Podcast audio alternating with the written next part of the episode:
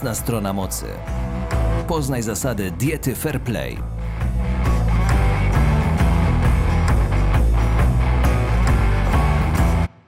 Cześć, witam Was serdecznie w kolejnym odcinku podcastu Jasna Strona Mocy. Jest to trzeci odcinek podcastu, ale zarazem pierwszy, w którym gościmy uczestnika Igrzysk Olimpijskich. Dzisiaj będzie to Agata Perenc, polska judoczka, sześciokrotna mistrzyni Polski, a także zdobywczyni między innymi srebrnego medalu Grand Prix w Taszkencie w 2017 roku, mm, która właśnie w Tokio w 2021 roku wystąpiła na Igrzyskach.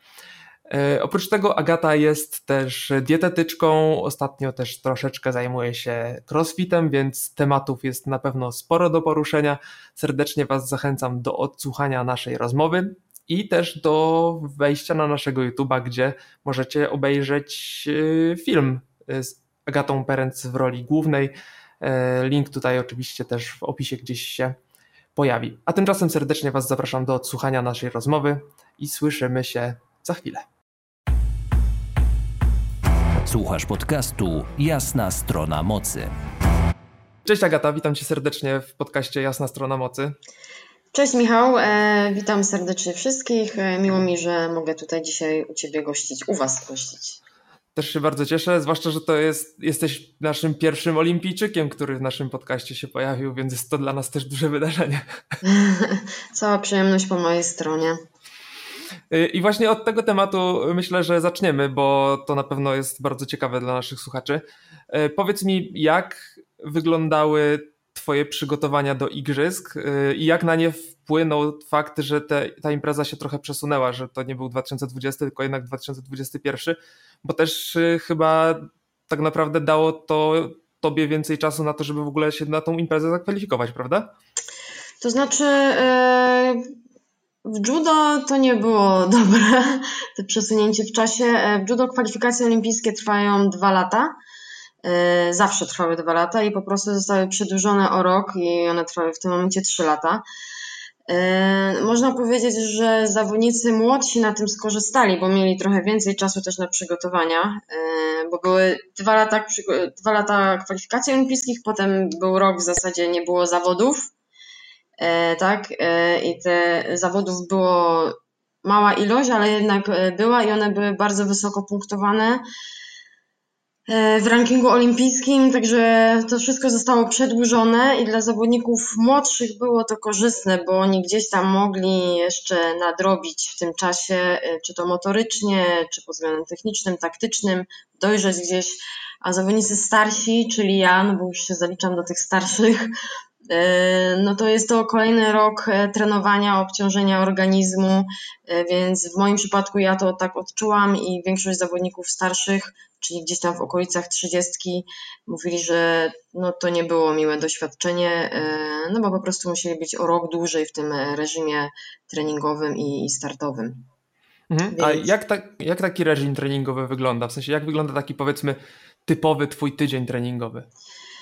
Typowy tydzień treningowy, e, to znaczy, e, wiadomo, jest periodyzacja treningu, to w zależności od okresu, czy jest startowy, czy niestartowy, czy budujemy bardziej siłę, czy skupiamy się na wytrzymałości, więc to jest naprawdę bardzo zmienne. Ale można powiedzieć, że taki mój standardowy dzień to e, w tym okresie przygotowań, no to było z reguły na zgrupowaniu, czy to w, w Polsce w Centralnym Ośrodku Przygotowania Olimpijskiego. Mamy kilka takich ośrodków w Polsce, a lub za granicą e, w jakimś innym kraju e, w celach bardziej takich sparingowych to się odbywało za granicą, gdzie można było się skonfrontować po prostu z zawodnikami z innych krajów, no bo w Polsce jakby nie mamy zbyt wielu sparring partnerów na wysokim poziomie, więc naprawdę w tych krajach, gdzie te judo nie jest tak e, na tak wysokim poziomie, e, no to trzeba wyjeżdżać za granicę, żeby spotkać się z tymi osobami z innych krajów. Ale tak ma trzy czwarte krajów e, na, na, całym świecie. Wszyscy w zasadzie wyjeżdżają i spotykamy się właśnie na takich międzynarodowych kampach. No to taki mój standardowy dzień właśnie zaczyna się wiadomo od śniadania, potem pierwsza, pierwszy trening, jeżeli on był w kraju, to przeważnie to był albo trening na siłowni, taki bardziej pod względem motorycznym, albo gdzieś na bieżni, czy to sprinty, czy długi bieg tlenowy. A po południu sesja już taka typowo judo specjalistyczna, czy to sparingi, czy technika, taktyka, a za granicą były to po prostu walki, duża ilość walk. Tak. No i wieczorem, czasami jeszcze wieczorem po kolacji jakiś trening techniczny, ale to już taki bardzo, można powiedzieć, na niskich obrotach e, lub jakieś e, rozciąganie czy trening e, taki funkcjonalny, można powiedzieć. Mhm. A czy przed taką imprezą jak Igrzyska ten plan przygotowawczy jest jakoś się różni od przygotowania, nie wiem, do Mistrzostw Świata czy czegoś w tym stylu, czy, czy raczej jest to mniej więcej to samo? Raczej jest to mniej więcej to samo, bo no na Igrzyskach Olimpijskich spotykamy się z tymi samymi zawodnikami, co na Mistrzostwach Świata, czy Mistrzostwach Europy, czy zawodach typu Grand Slam, Grand Prix. E, różni, różni się tylko i aż nazwa tych zawodów, e, co na niektórych działa paraliżująco, a niektórych, na niektórych motywująco. Yy, także te przygotowania takie ścisłe, czyli te bezpośrednie przygotowanie startowe nie różni się yy, od przygotowania przed Mistrzostwami Świata. Mhm. Ty w Tokio stoczyłaś jeden pojedynek, ale za to bardzo zacięty z, z Brazylijką Larisą Pimentą. Z tego co pamiętam, to tam potrzebna była dogrywka i cały pojedynek chyba jakoś ponad 8 minut trwał. Dokładnie. Mhm. Też no, przeciwniczka najłatwiejsza chyba nie była, bo to jakby nie było złota medalistka Mistrzostw Panamerykańskich. E, powiedz mi, jak z perspektywy czasu, no bo już no, prawie rok minął e, od, od, od, od Igrzysk, jak oceniasz swój występ z perspektywy czasu? Mhm.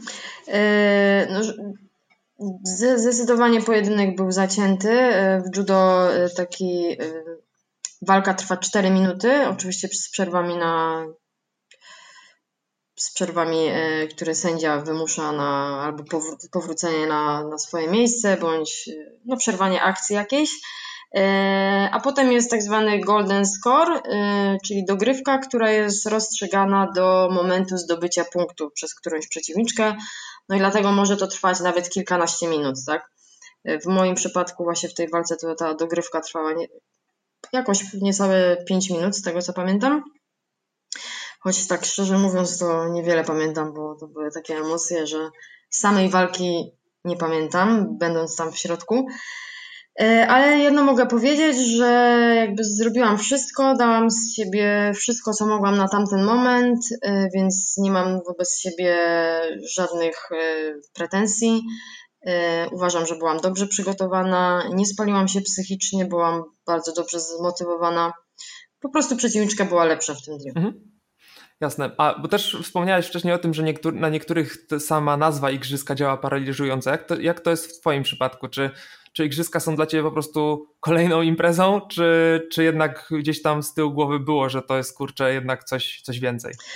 No sama byłam ciekawa, jak na to zareaguję, bo to były moje pierwsze Igrzyska Olimpijskie, y, no już raczej ostatnie, y, bo już tak kończę karierę.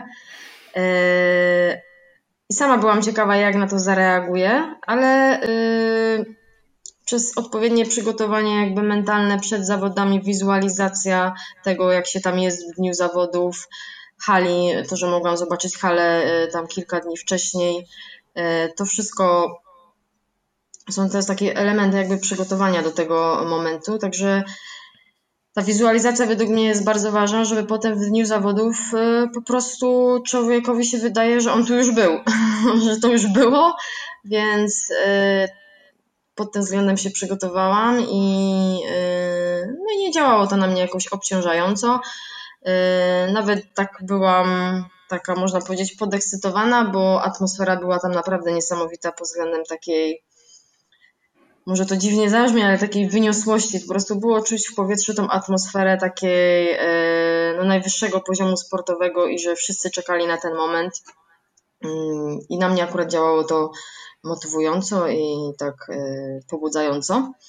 Ale było widać na tych zawodach również, że zwłaszcza ci faworyci e, gdzieś tam no, nie potrafili pokazać tego swojego judo na najwyższym poziomie, gdzieś tam się blokowali no i to po prostu nie były te osoby. Mhm. Też szkoda, że, że no nie było publiczności jakoś dużo, prawda? Znaczy, no bo to chyba tylko, tylko tak naprawdę zespoły. E... Dokładnie. reprezentację. Tak, tylko reprezentację y, z naszego sportu bądź z innych sportów mogli y, przyjść na publiczność. Ale szczerze mówiąc, tych czasach, w czasach pandemii już się przyzwyczailiśmy do tego, że tej publiczności nie było, więc nie było to dla nas jakieś jakby demotywujące, czy takie, że odbierało trochę atmosfery.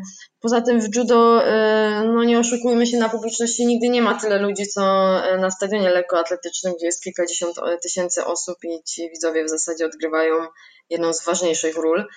E, w judo no tak nie jest jeszcze. Może kiedyś więcej osób pojawi się na publiczności. Oczywiście to zależy od kraju, bo w Japonii jakby była publiczność, no to w Japonii zawsze jest full, to samo Francja, Rosja to są kraje, w których, czy Niemcy, to są kraje, w których ten sport jest niezwykle popularny i zawsze jest pełna publiczność. No ale są też kraje, w których po prostu judo nie jest na tyle popularne i ta publiczność jest pusta. Więc jesteśmy przyzwyczajeni do tego, że publiczności nie ma. Dlatego nie było to jakieś smutne. Mhm. O, to tu akurat tym bardziej szkoda, że to faktycznie było w Japonii, więc tam, no, tam można było. było liczyć faktycznie na, tak. na tłumy. E, powiedz mi tak, e, masz na swoim koncie już trochę sukcesów, masz sześć mistrzostw Polski e, w dwóch różnych kategoriach. Masz między innymi srebro z Grand Prix z Taszkentu z 2017 roku. Teraz jako pewien, pewnego rodzaju sukces też można zaliczyć to, że na tych igrzyskach się pojawiłaś. I powiedz mi, czy masz jakąś taką imprezę, która ma dla ciebie największe znaczenie w twojej karierze? No myślę, mogę śmiało powiedzieć, że właśnie te Igrzyska Olimpijskie e, w Tokio e, to było moje marzenie życiowe tak naprawdę, e, życiowe, może takie sportowe marzenie, żeby zakwalifikować się na tą imprezę i wystąpić tam jak najlepiej, a właśnie kwalifikacja w judo olimpijska jest no, zupełnie różna niż na przykład w lekkiej atletyce, gdzie wystarczy zdobyć minimum, które y, wymyśli sobie Polski Związek. Nie, u nas to tak nie wygląda. U nas przez dwa lata trzeba e, startować na zawodach jest ranking olimpijski i pierwsza czternastka rankingu olimpijskiego na świecie kwalifikuje się w danej y, kategorii wagowej, więc to jest 14 osób, no bardzo mało. Potem są tam jeszcze jakieś dzikie karty, które przysługują przeważnie takim krajom, trzeciego świata, można powiedzieć. Wszystko po to, żeby jakby spopularyzować ten e, sport na, na całym świecie, żeby jak największa ilość zawodników startowała z całego świata. E, no ale jakby ta dzika karta polskiej nie dotyczyła, e, więc trzeba było się zakwalifikować poprzez tą czternastkę z rankingu olimpijskiego, pierwszą czternastką. Więc te kwalifikacje naprawdę są bardzo ciężkie. Tych zawodów jest kilkanaście w ciągu roku, różnych. Nie, nie sposób startować na wszystkich, wiadomo, trzeba sobie wybrać odpowiednią taktykę, obrać, przygotować się do każdego. No, do niektórych trzeba startować z marszu, no bo wiadomo, nie da się przygotować kilka razy w ciągu roku szczytu formy. Więc naprawdę jest bardzo duże przedsięwzięcie logistyczne i w ogóle no bardzo, bardzo dużo aspektów na to wszystko wpływa, więc cieszę się, że przebrnęłam przez ten e, proces e, z sukcesem, czyli zdobyłam tą kwalifikację olimpijską. E, no a tam wystąpiłam moim zdaniem dobrze i z tego co słyszę, to ludzie raczej też mówią, że naprawdę było widać, że no, że dałam z siebie wszystko. Mhm. No tym bardziej y, chyba fajnie, że udało się przebrnąć przez te trzyletnie kwalifikacje jednak, a nie dwu. Dokładnie. Patrząc jeszcze na moją metrykę, to dokładnie tak. E, powiedz mi, co dalej? W sensie, e, jakie sobie wyzwania stawiasz na przyszłość, jeżeli chodzi o, o kwestie sportowe? Bo widziałem też, że, że trochę, że tak powiem, romansujesz z crossfitem coś ostatnio. Mhm. Yy, więc tak. Yy Karierę judo już e, zawiesiłam. Takie oficjalne zakończenie mojej kariery będzie pod koniec roku, który zorganizuje mój rodzimy klub KS Polonia Rybnik. A aktualnie mieszkam w Poznaniu. Przeprowadziłam się do Poznania pod koniec tamtego roku ze względu na miłość na mężczyznę. No, trzeba było jakby zdecydować, a w Poznaniu jest bardzo wiele, wiele możliwości dużo więcej niż, niż w Rybniku, choć wiadomo, y, na Rybnik zawsze będę patrzeć bardzo pozytywnie. To jest moje rodzime miasto i zawsze będę tam chętnie wracać. No ale tutaj w Poznaniu się osadziłam yy, i rozpoczęłam też współpracę z klubem sportowym Akademia Judo Poznań. Jestem tam trenerką od nieco ponad miesiąca, także yy, jestem teraz na zupełnie, po zupełnie drugiej stronie. Jeszcze na razie jest trochę dziwnie, yy, ale myślę, że, że jakby zawodnicy mnie pozytywnie odbierają i że w miarę upływu czasu będę się czuć coraz pewniej. Na pewno mam niesamowite doświadczenie i wiedzę z tego współczesnego judo, co też jest ważne, że to współczesne judo yy, mogę przekazać. Yy, myślę, że mam całkiem sporo do, do przekazania, bo 22 lata na macie, no trochę jednak, to trochę jednak mówi. Y, dużo, myślę. Poza tym właśnie w crossficie y, zaczęłam y, ćwiczyć crossfit i być może właśnie w takim klubie tutaj w Poznaniu, CrossFit Poznań, zacznę też współpracę jako trenerka. Ale to kwestia jakby przyszłych miesięcy. Na razie, na razie jakby zaznajamiam się z tą dyscypliną jeszcze, ale bardzo mi się podoba. No, trening siłowy też w judo jakby przez wiele lat mi towarzyszył, więc y, tą bazę mam y, już całkiem dobrą, ale y, jestem pod wrażeniem crossfitowców, bo uważam, że są to najsprawniejsi ludzie na świecie. Naprawdę. Tutaj w zasadzie wszystkie cechy motoryczne, tak jak judo zresztą, muszą być rozwinięte na bardzo, bardzo wysokim poziomie. Także gdzieś tam ten crossfit w przyszłości myślę, że też będzie. Mm, no i sama też trenuję ten crossfit, sama też trenuję brazylijskie jiu-jitsu e, rekreacyjnie, aczkolwiek teraz w sobotę startuję na zawodach na Pucharze Polski w Koninie właśnie w tym brazylijskim jiu-jitsu. E, brazylijskie jiu-jitsu, bo właśnie mój mężczyzna jest trenerem e, w Gameness Team, w takim klubie w Poznaniu. Zresztą też ambasador Jasnej Strony Mocy. Tak, Tomek Smieszkalski, prawda? Tak, dokładnie. Zresztą, I e, tak muszę przyznać, że przyczyniliście się do naszego poznania. W zasadzie to dzięki Jasnej Strony Mocy się dowiedzieliśmy się o sobie i tak się, tak się to wszystko zaczęło. Także y, nasza historia Poznania jest całkiem ciekawa. Łączymy Mamy ludzi. bardzo dużo sentyment do Jasnej Strony Mocy i w ogóle otwartych klatek przez to. Właśnie dzięki temu. Mm, także amatorsko trenuję sobie brazylijskie jiu-jitsu i crossfit. Jestem trenerką judo. E, w przyszłości być może też trenerką crossfitu.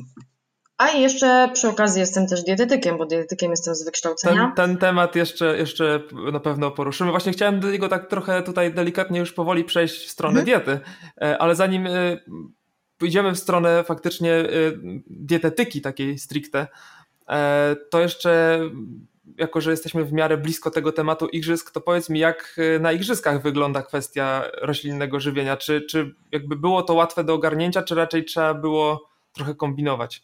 Było to bardzo łatwe do ogarnięcia. E, na Igrzyskach Olimpijskich jest stołówka, taka no, bardzo duża stołówka, e, która jest 24 godziny na dobę otwarta. I jest tam są tam różne kuchnie świata, na zasadzie szwedzkiego stołu podchodzi się i pokazuje pani bądź panu, y, co ma ci podać. Y, wszystkie potrawy są nazwane po angielsku, y, również po japońsku, wartości odżywcze podane, jakieś alergeny, czy to jest wegańskie, wegetariańskie, bezglutenowe. Zresztą są różne kuchnie świata, już nie pamiętam ile było na tych Igrzyskach Olimpijskich kuchni, ale około 10 Mm, od jakby włoskiej, azjatyckiej, lokalnej, wegetariańska, izraelska. Co tam jeszcze było? No naprawdę w zasadzie wszystko. No i w związku z tym, że był też dział wegetariański, wegański, był no, wszystko w zasadzie tofu, tempeh, jakieś strączki, orzechy, masło orzechowe. Wszystko było bez, bez ograniczeń dostępne, więc nie było żadnego problemu w tej kwestii. Mhm. A czy wśród y, judoczek dieta roślinna gdzieś się też pojawia? Czy jesteś takim rodzynkiem, powiedzmy, w tej kwestii? E, no ja jakby przetarłam szlaki, e, bo na diecie wegańskiej jestem 9 lat, to już całkiem sporo i na początku oczywiście były takie sceptyczne nastawienie było, mm, do tej diety, ale bo jak zamawiałam dietę wegańską w, jako wyżywienie w COSie, w COSach y, polskich, czyli centralnych ośrodkach sportowych, y, gdzie właśnie są y, zgrupowania kadr narodowych, No i zamawiałam tę dietę wegańską, wegetariańską. Na początku musiałam trochę poduczyć, że tak powiem, kucharki, o co chodzi w tej diecie, no bo wiadomo, dziwiły się, że jak to, że ryby też nie. To jest standard, myślę. No jajka, nabiał, jak to już wywracały oczami, że tego też nie, nie mogę. No ale jakby tłumaczyłam im o co w tym chodzi, gdzie mogą kupić te, dokupić te produkty, yy, chociaż jak wiemy to wcale nie jest jakieś, jakieś skomplikowane, jak się już to trochę zagłębi. Yy, no i to też zauważyłam, że było takie wyzwanie dla tych e, kucharzy i jakby starali się zrobić mi coś innego, co dobrze, fajnie wygląda. No i gdzieś tam dziewczyny, koleżanki, koledzy patrzyli mi w talerz, mówią, o ale fajnie, to, to twoje danie wygląda, a oni ten standardowy, schabowy, jakiś tam yy, mała ilość warzyw i kasza, także taki standardowy obiad, a ja miałam jakieś papryka faszerowana, jakaś pizza wegańska z tofu, yy, kotleciki różnego rodzaju, także yy, fajnie to wyglądało wszystko. Oczywiście nie zawsze, nie mówię, że tak było cały czas kolorowo, ale naprawdę muszę przyznać, że, że stanęli na wysokości e, zadania. E, także e, niektóre dziewczyny nawet zamawiały sobie też dietę wegetariańską, wegańską na tych obozach, żeby po prostu też spróbować i myślę, że jestem też takim fajnym przykładem. Zresztą ja nigdy nie starałam się jakby namawiać do tego, po prostu uważam, że to jest, no każdy musi zdecydować na pewnym etapie, jak ma wyglądać jego żywienie czy jego styl życia. Jeżeli ktoś się do mnie zgłosi, jasne, mogę go nakierować, ale nie chcę nikomu zaglądać w talerz. No ale właśnie poprzez taką postawę wydaje mi się i poprzez to, że na treningach widzieli, że na treningach wcale nie odstaje od nich, wręcz odwrotnie, czyli jakby da się wyżyć na takiej diecie e, i to ich najbardziej jakby zachęcało i myślę, że to jest najlepsza najlepsza droga do zachęcania do weganizmu, żeby pokazać, że to jest fajne, zdrowe i że można na tym też intensywnie, intensywnie funkcjonować. Także dziewczyny też sobie zamawiały diety wegetariańskie i wegańskie. Nawet jedna za, zawodniczka z kadry, z ścisłej kadry, która była najlepiej wystąpiła na Igrzyskach Olimpijskich, Julia Kowalczyk zajęła siódme miejsce w kategorii wagowej wyższej od, od mojej, czyli do 57 kg. Ona na co dzień jest yy, no prawie weganką, bo od czasu do czasu spożywa, e, spożywa jajka. I też mhm. już z 5, z 5 lat spokojnie. E, także, e, no, jak widać, a, czyli ja i Julia Kowalczyk, a jeszcze była Agata Ozdoba, Beata Pacut, więc na na cztery dziewczyny, dwie były na diecie roślinnej praktycznie. Czyli myślę, że jest to całkiem niezła statystyka. Mo możemy założyć, że 50% judoczek jest. Tak, tak, można tak założyć. Bardzo odważne założenie. No, odważne trochę, ale, no, ale w tym przypadku akurat, jeżeli chodzi o skład na Igrzyska Olimpijskie, to tak rzeczywiście było. Mhm. E, mówisz, że od 9 lat jesteś na diecie wegańskiej. Mhm. Jak w ogóle do tego doszło, że postanowiłeś zrezygnować z, z produktów pochodzenia zwierzęcego? Totalny przypadek, jak to w życiu bywa często. Dziewięć lat temu doznałam dosyć poważnej kontuzji, zerwanie więzadeł krzyżowych yy, przednich. Yy, I po prostu w tym czasie yy, stwierdziłam, znaczy miałam bardzo dużo wolnego czasu, no bo nagle treningi odeszły. Mm, no i gdzieś tam dokształcałam się w kwestii dietetyki, byłam jeszcze, wtedy jeszcze studiowałam, bardzo dużo czytałam. Y, no i do moich rąk trafiła książka China Study y, Campbella, mhm. profesora Campbella. No i tak trochę nie dowierzałam, jak to czytałam, że jak to na studiach nic o tym nie mówią, a tutaj mówią nagle, że białko zwierzęce nie jest takie fajne, że białko roślinne jest, jest bardzo zdrowe. Yy, no i postanowiłam po prostu spróbować przez, przez miesiąc na początku i zapisałam się też do newslettera wege przez 30 dni. Nie wiem, jak, czy, to się, czy to dalej funkcjonuje. Zostań wege przez 30 dni, coś takiego yy, było. Tak, chyba jest coś takiego, tak. Też się zapisałam do tego newslettera i tam codziennie dostawałam e, różne ciekawe informacje, jakieś jadłospisy, yy, także to też była fajna forma takiej motywacji i po prostu przez miesiąc spróbowałam. To też był dobry okres jakby dla mnie, no bo nie byłam w mocnym treningu, więc mogłam się na spokojnie do tego przygotować. Yy, no i po tym miesiącu stwierdziłam, że kurczę, fajnie się czuję, że naprawdę nie brakuje mi siły. fajnie funkcjonuje, taka pełna energii. Postanowiłam to jakby przedłużyć. Oczywiście w miarę upływu czasu gdzieś doszły aspekty etyczne, no bo człowiek gdzieś tam czyta o tym, ogląda różne filmiki, więc tak jakby co też było dla mnie szokiem, że ta informacja jest ogólnie tak jakby trochę ukrywana i ciężej mhm. dostępna. E, no ale ja do niej e, doszłam i, no i postanowiłam, że jakby nie chcę też uczestniczyć pod, w całym no, w tym przemyśle odzwierzęcym. No bo po co, skoro wszystko, co jest w produktach odzwierzęcych, można dostarczyć za pomocą produktów roślinnych, a dzisiaj mamy taki dostęp do tych produktów roślinnych, że naprawdę nie jest to żaden problem.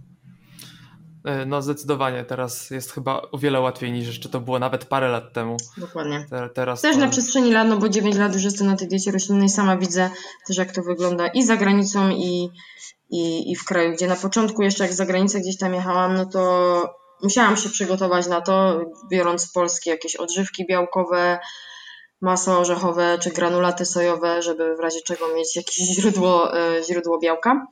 Mm, tak teraz to naprawdę nie jest żaden problem. Przyjedziesz za granicę, powiesz, że jesteś na diecie wegańskiej, to kucharze wiedzą o co chodzi i ci przygotowują. Nawet czasami nie trzeba w ogóle zamawiać jakiejś diety wegańskiej, bo wybór produktów na stołówce jest e, naprawdę, naprawdę szeroki i można skomponować zdrowy, wartościowy i pełnowartościowy posiłek. Mhm. A czy początkowo miałaś jakieś trudności w ogóle właśnie ze skomponowaniem sobie tej diety? No, na pewno też miałaś łatwiej przez to, że jakby miałaś to wykształcenie dietetyczne już jakieś, e, ale czy mimo wszystko jakieś trudności gdzieś się pojawiły?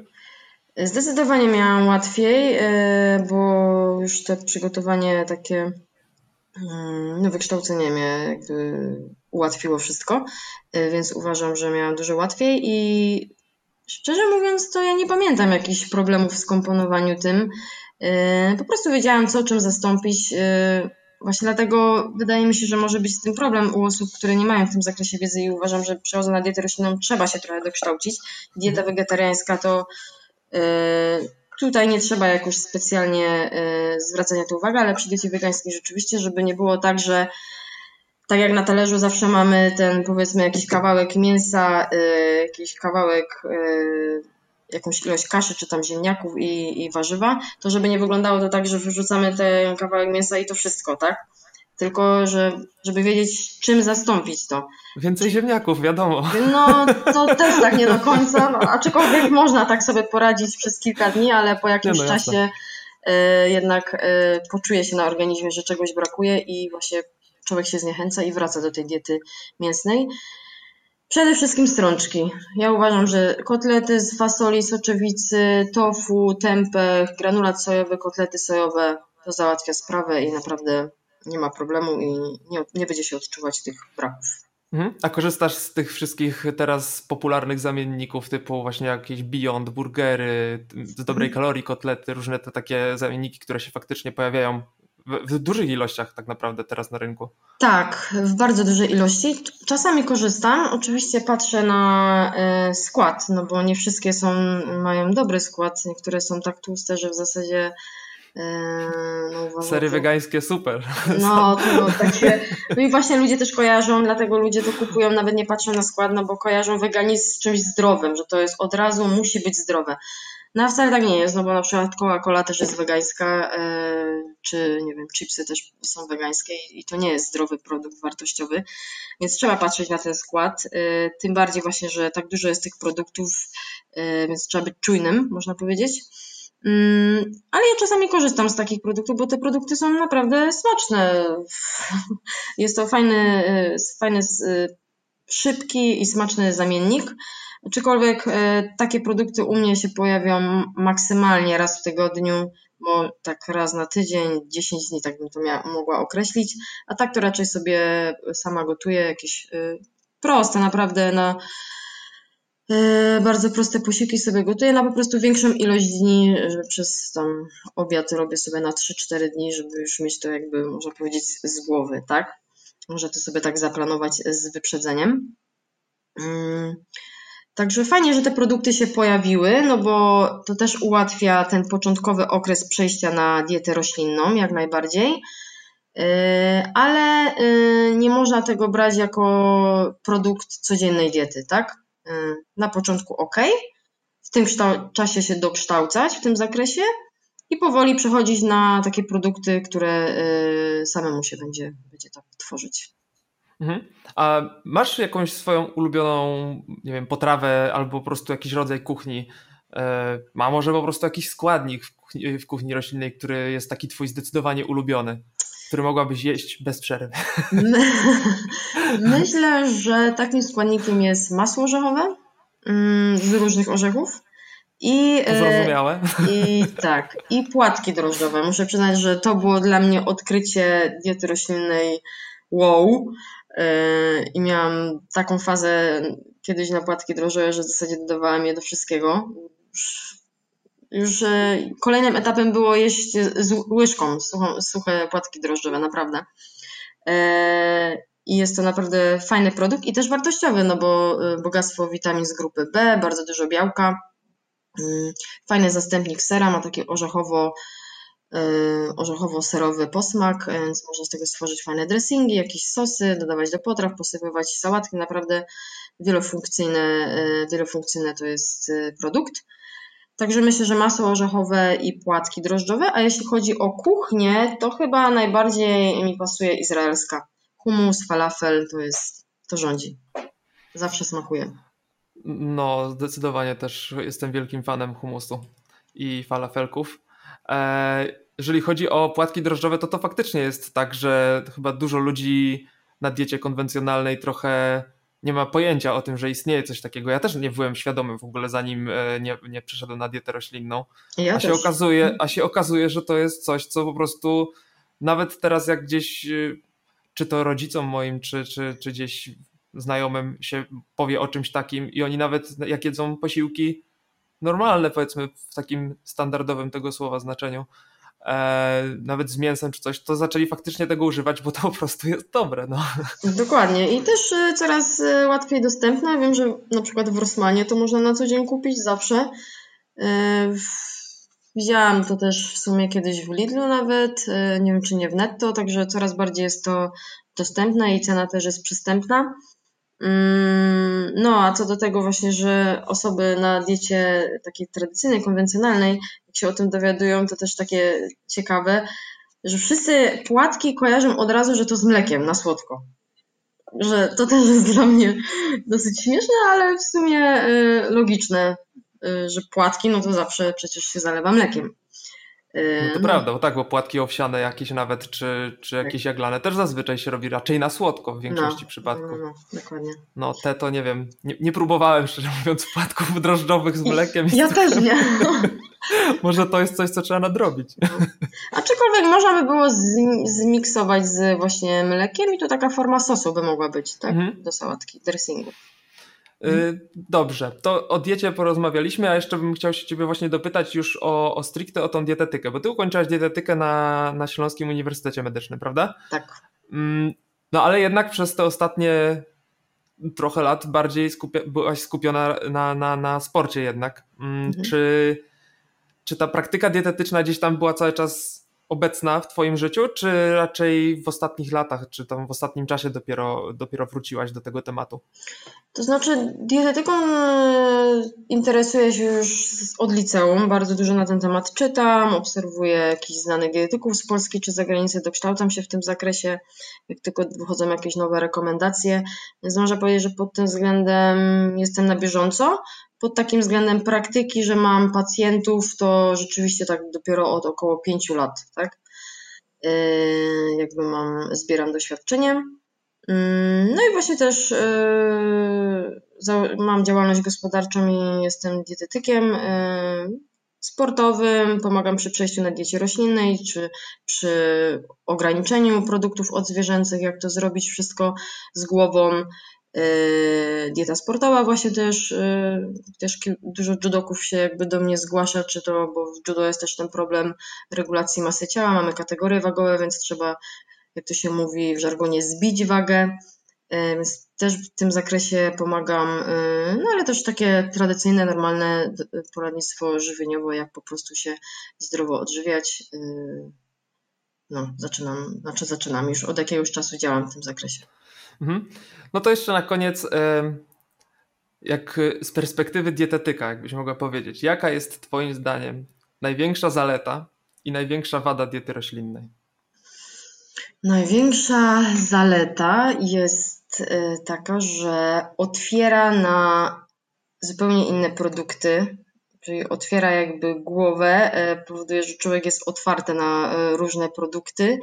No i przede wszystkim to, że je się dużo warzyw. Tak? To jest dla mnie bardzo duży plus diety roślinnej. Wiadomo, warzywa, warzyw nigdy za wiele, to jest kopalnia witamin, składników mineralnych, także Myślę, że to jest ogromny plus e, diety roślinnej. Minus diety roślinnej, e, no na pewno mm, brak witaminy B12, tak? To jest jedyny składnik, który trzeba rzeczywiście suplementować e, od razu, jak się przejdzie na dietę wegetariańską bądź wegańską. No i może dieta roślinna, taka współczesna, właśnie ta pułapka tych produktów, gotowców, yy, można w nią łatwo wpaść, więc yy, to też jest taki minus współczesnej diety roślinnej według mnie. Mhm. Jeżeli chodzi o, o tą, tą, największą zaletę, którą wspomniałaś, no to to jest w ogóle takie, wydaje się być bardzo nieintuicyjne, no nie, że e, rezygnując, ograniczając swoją dietę tak naprawdę, człowiek ją poszerza. No tak, ale ja na to patrzę inaczej. Ja uważam, że y, będąc na diecie tradycyjnej, człowiek jest ograniczony. Właśnie mhm. takie standardowe schematy, które są powtarzane od wielu lat, y, funkcjonują codziennie i jakby człowiek nawet nie chce i nie wie, jak wyjść poza ten schemat. A tutaj człowiek jakby no, musi się trochę dokształcić w tym zakresie, dowiedzieć, no i się otwiera. Tu czyta trochę tam, tam, dowiaduje się o różnych innych produktach, kuchniach, i e, jest to też, też fajne, no bo, e, no bo gdzieś tam człowiek cały czas idzie, idzie do przodu, kształci się. Mhm. E, no dobrze, to jeszcze już tak naprawdę na koniec, jakbyś mogła naszym słuchaczom powiedzieć, gdzie cię można znaleźć w internecie? W internecie można mnie znaleźć na Instagramie bądź na Facebooku po prostu jako Agata Perens. Mam też taką stronę, ona jest jeszcze w budowie agataperens.pl. E, tam są wszystkie moje dane mailowe e, czy telefoniczne. Może się ze mną kontaktować, jeżeli ktoś chce podjąć jakąś współpracę dietetyczną. Zapraszam jak najbardziej. E, także Facebook, Instagram, tam najwięcej działam. A ostatnio Instagram w zasadzie. Dobrze, to w takim razie, jeżeli ktoś będzie zainteresowany, to zapraszamy. Ja jeszcze też zapraszam do tego, żebyście nasi słuchacze wbili na naszego YouTube'a, gdzie też jest film między innymi z Agatą w roli głównej. Link do tego filmu będzie w opisie tego e, podcastu, także zapraszam serdecznie do oglądania. A Tobie, Agata, dziękuję bardzo za tą rozmowę. Bardzo się cieszę, że mogliśmy porozmawiać. Dzięki wielkie za zaproszenie. To była dla mnie przyjemność. Fajnie było. Słuchasz podcastu Jasna Strona Mocy. Dzięki wielkie za wysłuchanie naszej rozmowy do końca, ale zanim się pożegnamy, chciałbym jeszcze Was oczywiście zachęcić do tego, żebyście e, weszli na naszego YouTube'a, na naszego Facebooka, na naszego Instagrama, a nawet na naszego TikToka. Wszystko jest e, JS Mocy. E, no i tam możecie nas śledzić, śledzić nasze działania. No i oczywiście zapraszam też do subskrybowania tego kanału.